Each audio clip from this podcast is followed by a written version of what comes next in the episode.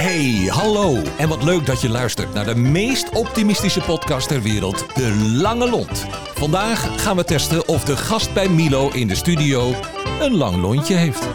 En de gast is... Femke Oept. Ah, Femke, wat ongelooflijk leuk dat je er bent. Zeker. Op 16 maart. Heb je al gestemd? Ik moet vandaag nog stemmen. Je moet vandaag nog Ja, stemmen, maar je gaat wel, hè? Ik ga zeker stemmen. Heel goed, want nogmaals, het is hartstikke belangrijk dat we dat doen. Absoluut. En eh, nou ja, een beetje rare tijd, hè, dames en heren. Oekraïne nog steeds vol aan de bak. En wij hebben het hier nog steeds over, hoe toepasselijk, over de lange lont. En eh, nou ja, laten we maar eens even beginnen. Wat, wat, wat, wat, stel jezelf eens even voor aan onze luisteraars. Ja, nou, mijn naam is, wat ik net al zei, Femke Oept. Eh, geboren in Amstelveen.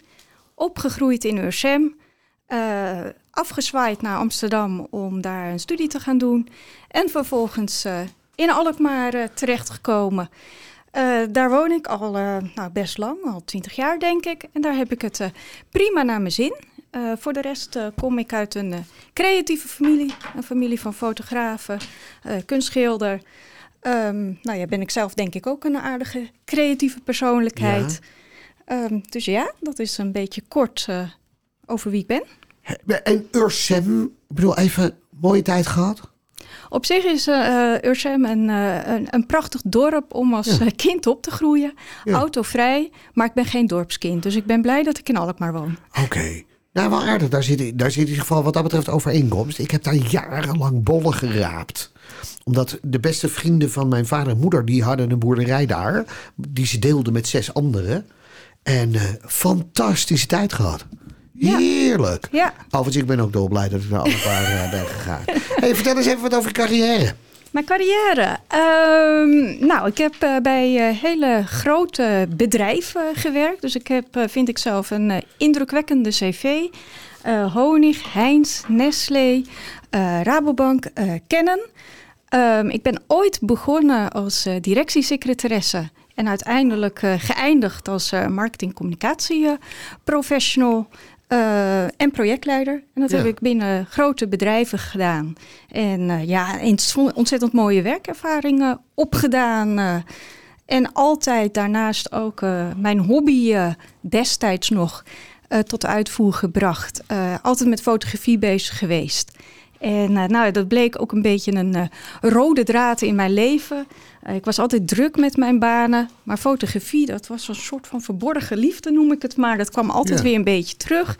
En op een gegeven moment dacht ik, jeetje, elke keer weer die fotografie. ik word er een beetje moe van. Weet je wat? Ik eh, laat me omscholen tot eh, fotograaf. En dan weet ik dat het tot hobby blijft. Zo, zo naïef, naïef had ik dat bedacht. Ja. En toen ben ik in Utrecht naar de schoolbanken gegaan. En daar werd ik ja, eigenlijk helemaal enthousiast. Ik dacht van ja, dat fotografie wat ik eigenlijk mijn hele leven al doe, dat wil ik gewoon niet meer eh, loslaten. En eh, ja, zo ben ik uiteindelijk eh, een combinatie gaan doen van marketingstrategie. Want dat was natuurlijk het verleden. Hè? Dat, dat Ja. had ik, die kennis had ik nou eenmaal in mijn rugzakje. En dat vind ik ook nog steeds heel erg leuk om te doen. Dus toen heb ik marketingstrategie gecombineerd met bedrijfsfotografie. En wat ik eigenlijk doe is een krachtig merk combineren met sterk beeld. eh, zodat het bedrijfsverhaal in één keer goed over de bühne komt. En eh, ik zeg altijd, ik heb het mooiste beroep wat er maar is. Dat is niet zo. Dat heb ik. Maar in die zin, als je daarin gelooft, is dat, een, is dat prima. Ik geloof er heilig in. Eh, ja, heel goed. Nou, we zullen daar nog wel even een robbertje over vechten na afloop van de uitzending. Gaan we doen. hey, eh nogmaals even, dit, dit is nu je werkleven. Maar dat gebeurde een paar jaar geleden. En even, dat was de eerste insteek dat we elkaar... Er gebeurde wat in jouw leven. Wat was dat? Ja, eh, nou ja, 9 oktober 2015, dat is eigenlijk een datum die eh, ja, in mijn geheugen gegrift staat. Ja. Eh, ik zat op, op dat moment op de school voor fotografie Ja. en ik zat in mijn examenopdrachten en Ja.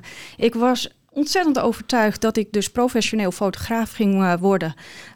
Ja, was en ontzettend gedreven. Ja. Ik zat er middenin en ik had een, ja, een afspraak in het centrum van Alkmaar. Ja. Het was een beetje miserig weer, maar bijna te verwaarlozen. Dus ik besloot eh, toch om op de, op de fiets te gaan. En ik ben een heel voorzichtig, vind ik nog steeds, een voorzichtig eh, meisje. Ik had geen haast, dus ik, ik heb op een gegeven moment in het centrum van Alkmaar, uh, stadskantoor, ja, daar heb ik op mijn horloge gekeken. Geconstateerd dat ik nog tijd zat had. Ja, en uiteindelijk weet ik niet wat er gebeurd is. Maar werd ik wakker uh, in het ziekenhuis. Waar een arts uh, naast mij stond en zei van nou, uh, mevrouw Oepts. ja, u bent gedeeltelijk verlamd geraakt aan uw, aan uw linkerarm en uw linkerhand. daar kunnen we met plastische chirurgie wellicht nog wat aan doen. Ik wist helemaal niet waar ik was. Dus ik dacht, nou, ik ga maar een beetje lachen. Want ik, ik zat natuurlijk ook zwaar onder allerlei pijnstillers en morfine. Ik dacht, nou, ik ga maar een beetje lachen, want ik weet niet wat ik met de situatie aan moet. Nou ja, en achteraf is dat de start geweest uh, van een uh, lang revalidatietraject. Eerst begonnen in Alkmaar, daarna, daarna doorgegaan naar Heliomare. Uh, ja, en ook de start van, van het boek Overwinnen. Was jij daarvoor? Hè? Kijk, nogmaals, wij hebben natuurlijk van tevoren, zoals we dat altijd doen met, de luister, met, uh, met onze gasten, even wat voorbesproken. Was jij daarvoor ook al zo optimistisch als dat je nu bent? Uh, ja, ik, ik, ja, nou ja, optimistisch. Ik hou, uh, ik hou wel van doorzetten. Uh, ik vind dat dat is echt wel mijn overtuiging. Ik, ik heb altijd gezegd: je kan nog zo intelligent zijn, maar als je het niet goed weet in te zetten, dan bereik je er niks mee. Voor ja. mij is de belangrijkste waarde in het leven, en dat mag voor iedereen anders zijn, maar voor mij is de belangrijkste waarde in het leven doorzetten, uh, uh, um, doorgaan waar een ander stopt. Dat is maar... Ben je dan, loop je soms wel eens tegen hele dikke muren aan dan of niet? Tuurlijk, tuurlijk. En dan? Ja, nou ja, dan is het boem. En dan is het even ho. Ja. nou, dan ga je weer nadenken en dan ga je daar weer op acteren. Ja. Ja. Dus het, het is geen optie om te stoppen en te denken van oké, dit is wat het is. Nee. Altijd maar doorgaan. Ja, ja. En ik, ik ben ervan overtuigd dat je daar dus ook heel ver mee komt. Uh -huh. En uh, natuurlijk hebben we allemaal uh, slechte dagen. En natuurlijk is het leven niet altijd uh, roosgeur en maneschijn. -hmm. Maar ik denk wel dat je met een bepaalde mindset. ja, waar een wil is, is een weg. Dat Ja. is gewoon zo. Ja. En als je je doelen nastreeft en je ambitieniveau hoog houdt. Ja, dan denk ik dat er hele mooie dingen kunnen ontstaan. Je was linkszijdig aan je arm verlamd. Daar kon je helemaal niks mee. Nee, en mijn hand ook niet. En Ja. je hand ook niet. En Nee. hoe zit dat nu? Eh, dat kan ik niet, Milo.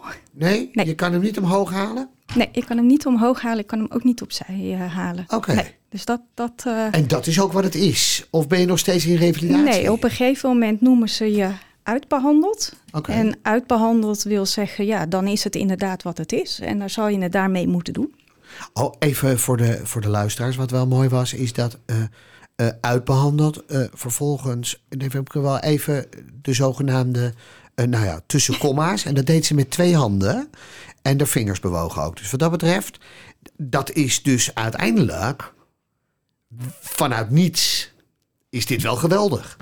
Jazeker, ik heb echt ontzettend, eh, ontzettende mooie stappen gemaakt. Ja. En ik ben ook Heliomare heel erg dankbaar voor Ja. ja, wa- wa- wat ze met mensen kunnen bereiken. Ja. Dus als je ziet waarvan ik gekomen ben, kan ik gewoon heel veel. Ja. En daar kijk ik ook vooral naar. Ik kijk vooral naar wat, ja, wat je wel kan in plaats van wat je niet kan. Heb jij een lange lont?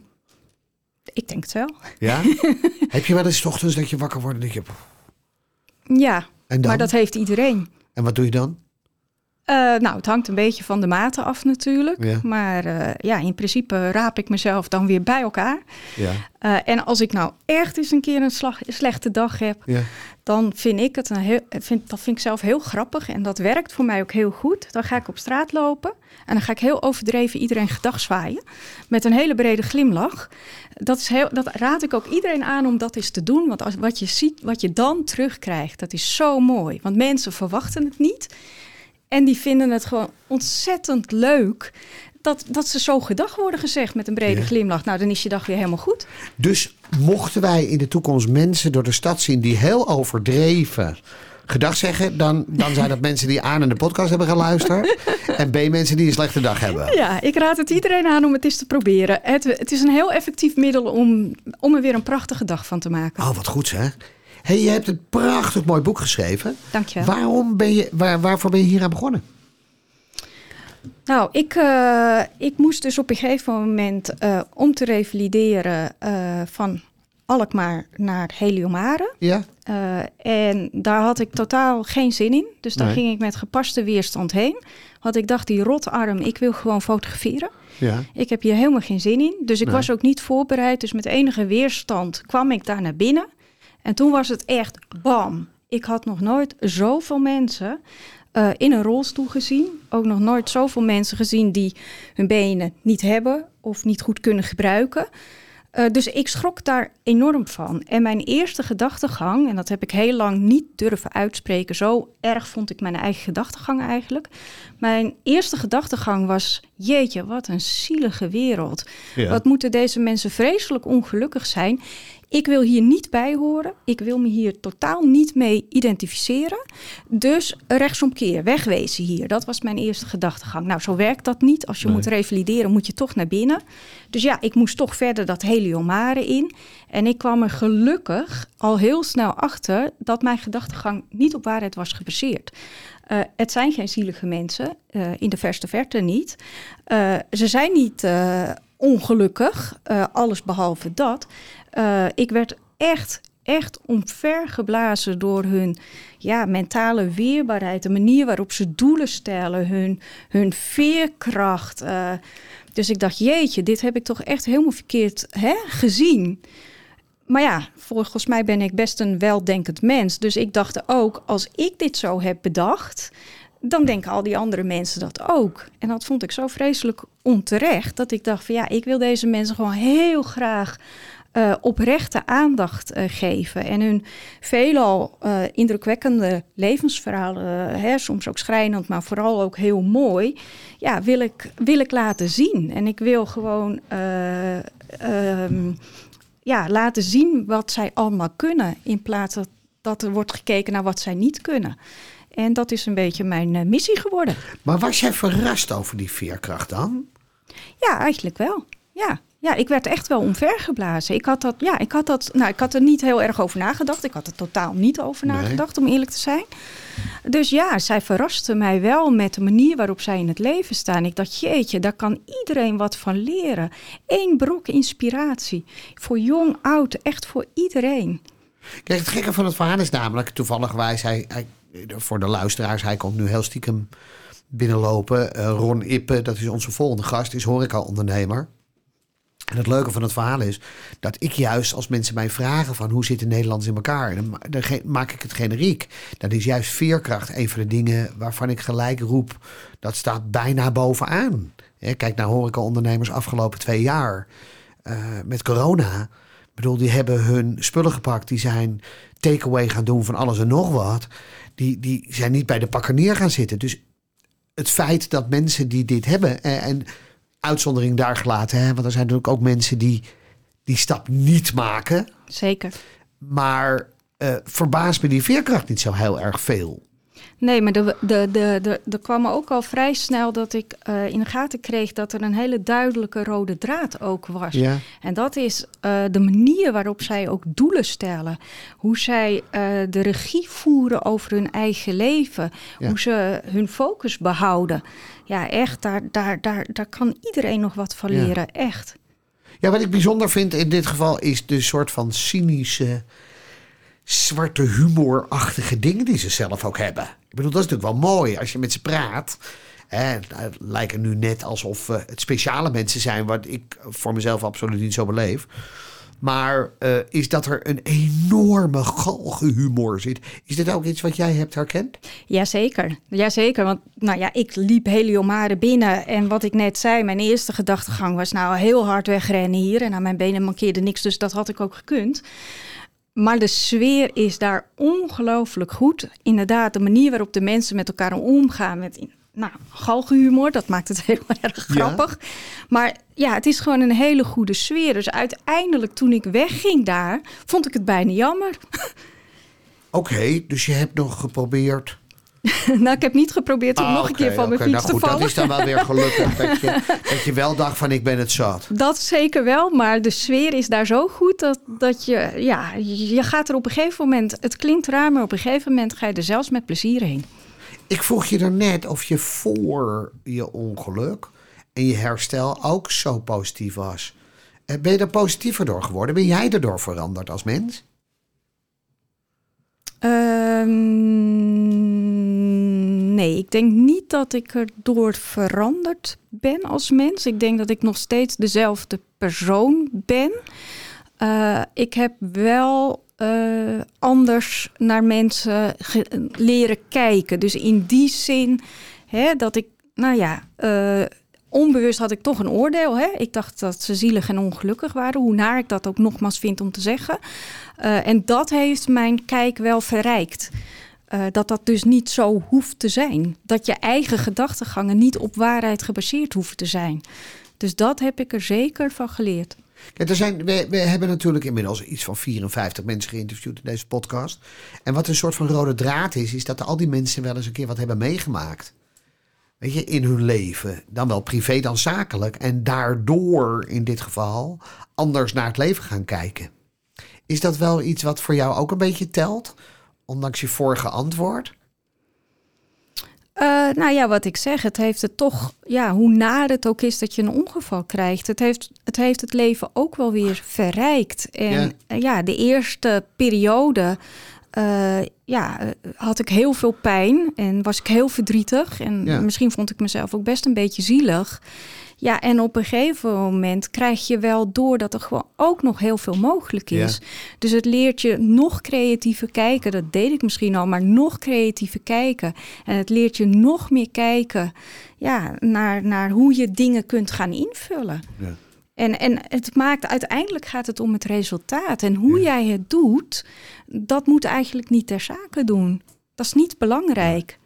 Nou, het mooie is, ik sluit er wel bij aan hoor. Ik, nogmaals, ik ben niet zo'n televisiekijker in die zin dat als ik kijk, kijk ik echt naar kansloze programma's. En CIS to the dress of weet je wel, even dat soort dingen, omdat ik dan mijn gedachten. Maar ik zat gisteravond te kijken naar een programma waar een relatief jonge jongen met de ziekte van Parkinson nog steeds wiskundeles gaf. En het aardige van het verhaal is dat hij aan de linkerkant heel erg trilde, waardoor hij heel veel moeite had om het bord wat hij aan het schrijven was om dat vol te krijgen. Maar zijn allergrootste probleem was zijn cognitieve geheugen. Dat hem in de steek liet. Ja, Dus die wist na twee minuten niet meer wat hij had gezegd op sommige gevallen. En toch stond hij daar nog. ja Geweldig. zeker. Dat Ja. is absoluut geweldig. Ja. Ja. En waarom ook niet? Nee. Als je Toch? Nou, nou ja, 100 procent als dat kan. Als je nou een advies moet geven naar mensen die anders... Even, en ik doe nu ook even tussen haakjes... naar mensen kijken die, die in een rolstoel zitten of verlamd zijn. Wat is dan het best mogelijke advies wat je aan die mensen kan geven? Nou, ik zeg, ik zou bijna zeggen, lees het boek. Lees het boek Overwinnen. Dat is, En- dat is het commerciële antwoord, dames en heren. Even, je mag er even reclame voor maken, Femke. Eh nogmaals, eh, eh, waar te krijgen? Nou ja, via www.overwinnenboek.nl of eh, stuur gewoon een mailtje naar me. Femke, beeldstratege.com. Kijk eens, die hebben we gedaan. Dus Die nu hebben- even, dat mag nu niet nee, meer. Nee, nee, nou ja, het mag nog wel twee keer hoor. Want we worden in ieder geval niet door de NOS of andere partijen in dit geval. Dus reclame maken mag je. Maar even, wa- wat is het advies? Wat, wat, wat, wat, wat heb jij zelf uiteindelijk als allerbelangrijkste uit het boek gehaald? Nou, die doelen stellen. Ik zou iedereen meegeven van kijk naar wat je heel graag eh, wilt bereiken. Eh, kijk niet wat op dat moment je belemmering of je beperking is of hoe je het ook wilt noemen. Maar kijk wat je, ja, wa- wat je ambitie is Ja. en probeer die passie na te leven. Ja. Houd de regie over je eigen leven en, en kijk wat er nog mogelijk is op welke manier dan ook. En in de omgang met mensen die mogelijk in een rolstoel zitten of verlamd zijn. Ik bedoel, wat is dan je beste advies? Nou, neem ze serieus. Ze zijn niet anders dan dat wij zijn. Nee. Hè, Het enige verschil is dat wij dus de benen hebben en zij hebben de rolstoel. Ja. En voor de rest zijn ze precies zoals wij. Dus behandel ze ook zo. Ja, gewoon normaal. Ja, doe gewoon normaal. Ja. Ga, ga ze niet eh, vermijden of praat niet over ze, over ze heen. Hè. Dat gebeurt soms dat er iemand achter de rolstoel staat. Degene in de rolstoel vraagt wat. En diegene erachter krijgt het antwoord. Ja, Ja. dat is hoezo? Ja, Hè, dus behandel ze gewoon zoals je ieder ander behandelt. ja. En dat mag best wel een beetje, af en toe een beetje cynisch. Met wat galge humor. Tuurlijk. Klaar. Tuurlijk. Ja, Ja. heerlijk. Ja, je hoeft ze echt niet een aai over de bol eh, continu te geven. is helemaal niet nodig. Nee, en dat, als je dat te vaak doet, dan krijg je in dit geval ook het resultaat als bij Kenneth. Dat is, tegen, dat is onze technicus vandaag. En die, is, die heeft heel veel. Ja, die is al zijn haar kwijt. Zegt overigens nu wel vijf minuten, dus wat dat betreft. hey, wat even. Wat is, je, wat, wat is je volgende stap? Ga je nog een keer zo'n boek maken? Eh, ja, je bent niet, je, ja, je bent niet de enige die dat aan mij vraagt. Ehm, ik denk het eerlijk gezegd niet. Eh, dit boek is echt ontstaan vanuit intrinsieke motivatie. Had je het mij drie jaar geleden gevraagd, had ik nooit het idee gehad om een boek te gaan maken. Ja. Eh, dus het is echt ontstaan omdat het bij mij ging borrelen. En ja, dat ging steeds verder en verder. Een prachtig eh, project.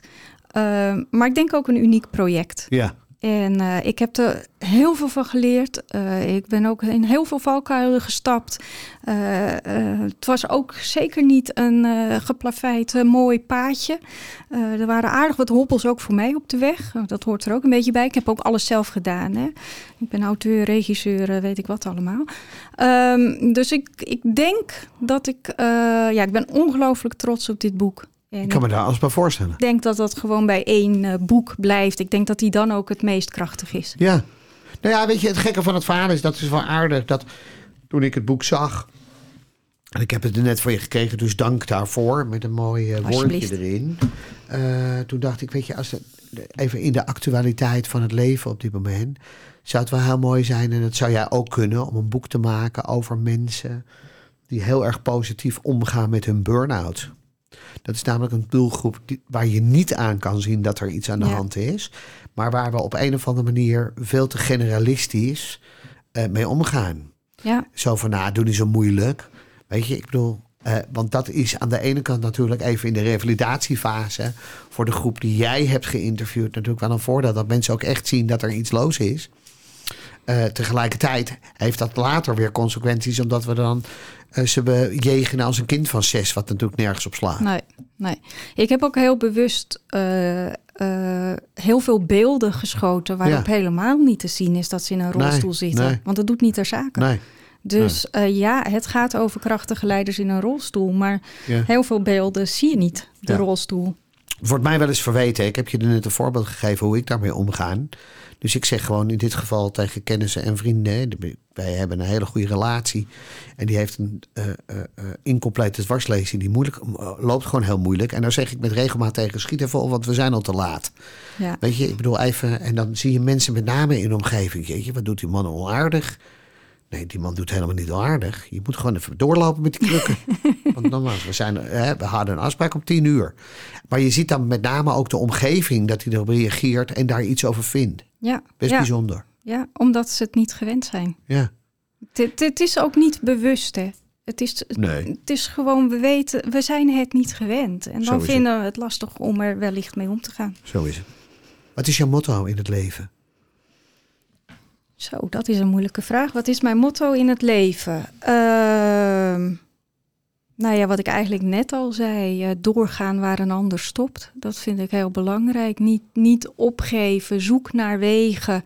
Ook al ga je misschien eh, een andere kant op en probeer je het op een andere manier. Soms lukt het niet en stoot je je neus. Nou ja, ook prima, Ja. jammer dan. Zoek je weer een andere weg. Dus geef niet te snel op. Er is echt, als je wilt, is er zoveel mogelijk. Dus volg je gevoel, volg je hart en jaag je passie na, je droom. En droom vooral groot. Even, wij eh, proberen dat motto in dit geval op een tegeltje te krijgen. ik geloof dat ik nu ongeveer een muur moet kopen om het daar op te zetten. Hè? Ik bedoel even, het begon zo compact. Ik denk, nou dat past er wel op. Maar het wordt nu ongeveer een tegel van 5 bij 5. Nou ja, we komen hem in dit geval wel... Ik wens Nou, je veel succes. Ja. Wat is, jouw, eh, wat is voor jou een lange lont? Eh, wat is voor mij een lange Ja, lont? een voorbeeld. En nog, nogmaals, niet, niet in, in het synoniem, maar met name een naam. Wie is voor jou een lange lont? Iemand Oh. waarvan jij echt denkt, oh, dat is voor mij echt een voorbeeld. Die is altijd optimistisch en positief. Oké, nou dat zijn er natuurlijk een heleboel, hè? Want al die krachtige leiders in dat boek, uh, die, uh, ja, die hebben Ja. een lange lont. Um, maar de naam die me nu te binnen schiet, dat is Ilse Moerkerk. Ja. Uh, Ilse die is helaas geconfronteerd met botkanker. Dat is drie keer teruggekomen. Zo. Daarbij is uiteindelijk ook haar been geamputeerd, maar ook een hele hoge amputatie. Ja. En zij uh, en zij heeft natuurlijk ook haar slechte dagen. Hè? Maar uh, zij is wel echt altijd positief. Uh, maakt er het beste van. Ja, weet ook heel goed haar emoties daarin te benoemen. En schrijft dat ook van zich af door middel van blogs. Ja. dus ik heb heel, heel groot respect voor haar. Ja. Dan gaan we haar bellen. Want uh, nogmaals, dingen gaan veel sneller dan het is. Hè? En ik ben blij dat je Ilse... Want zij zit niet in een rolstoel, hè? Ze staat ook in een oh, boek. Staat Ze in zit een in een rolstoel. Oh, oké. Okay. Nou ja, dan moet in dit geval centraal... Maar even gaan kijken hoe we dat doen. Ze want, kan ja, ook met uh, krukken lopen. Fantastisch, want dat is dan wel de voorwaarde. Want dit is niet echt een uh, geschikte studio voor uh, mensen met een stoel. Want dan zit je precies met je kin niet doorvertellen.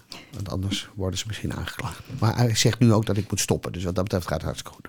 Hartstikke bedankt voor je enthousiasme. Wederzijds, en, bedankt. Uh, voor het leuke gesprek. Heel veel succes. En ik hoop in ieder geval dat er nog meerdere boeken gaan verschijnen. Uh, met evenveel valkuilen, met evenveel problemen die je tegenkomt. Maar het is te mooi om in ieder geval niets meer te doen de aankomende jaren. Dus hartstikke bedankt. Graag gedaan. Veel succes. En uh, nogmaals, ik zwaai gewoon even. En ik weet zeker uh, dat die terugkomt. Bij deze, dankjewel. Dankjewel. Dankjewel voor het luisteren. En tot de volgende keer, waarin we weer een lontje testen. Hoe lang is jouw lontje eigenlijk? Tot snel! De Lange Lont is een samenwerking tussen Streekstad Centraal en Tremark.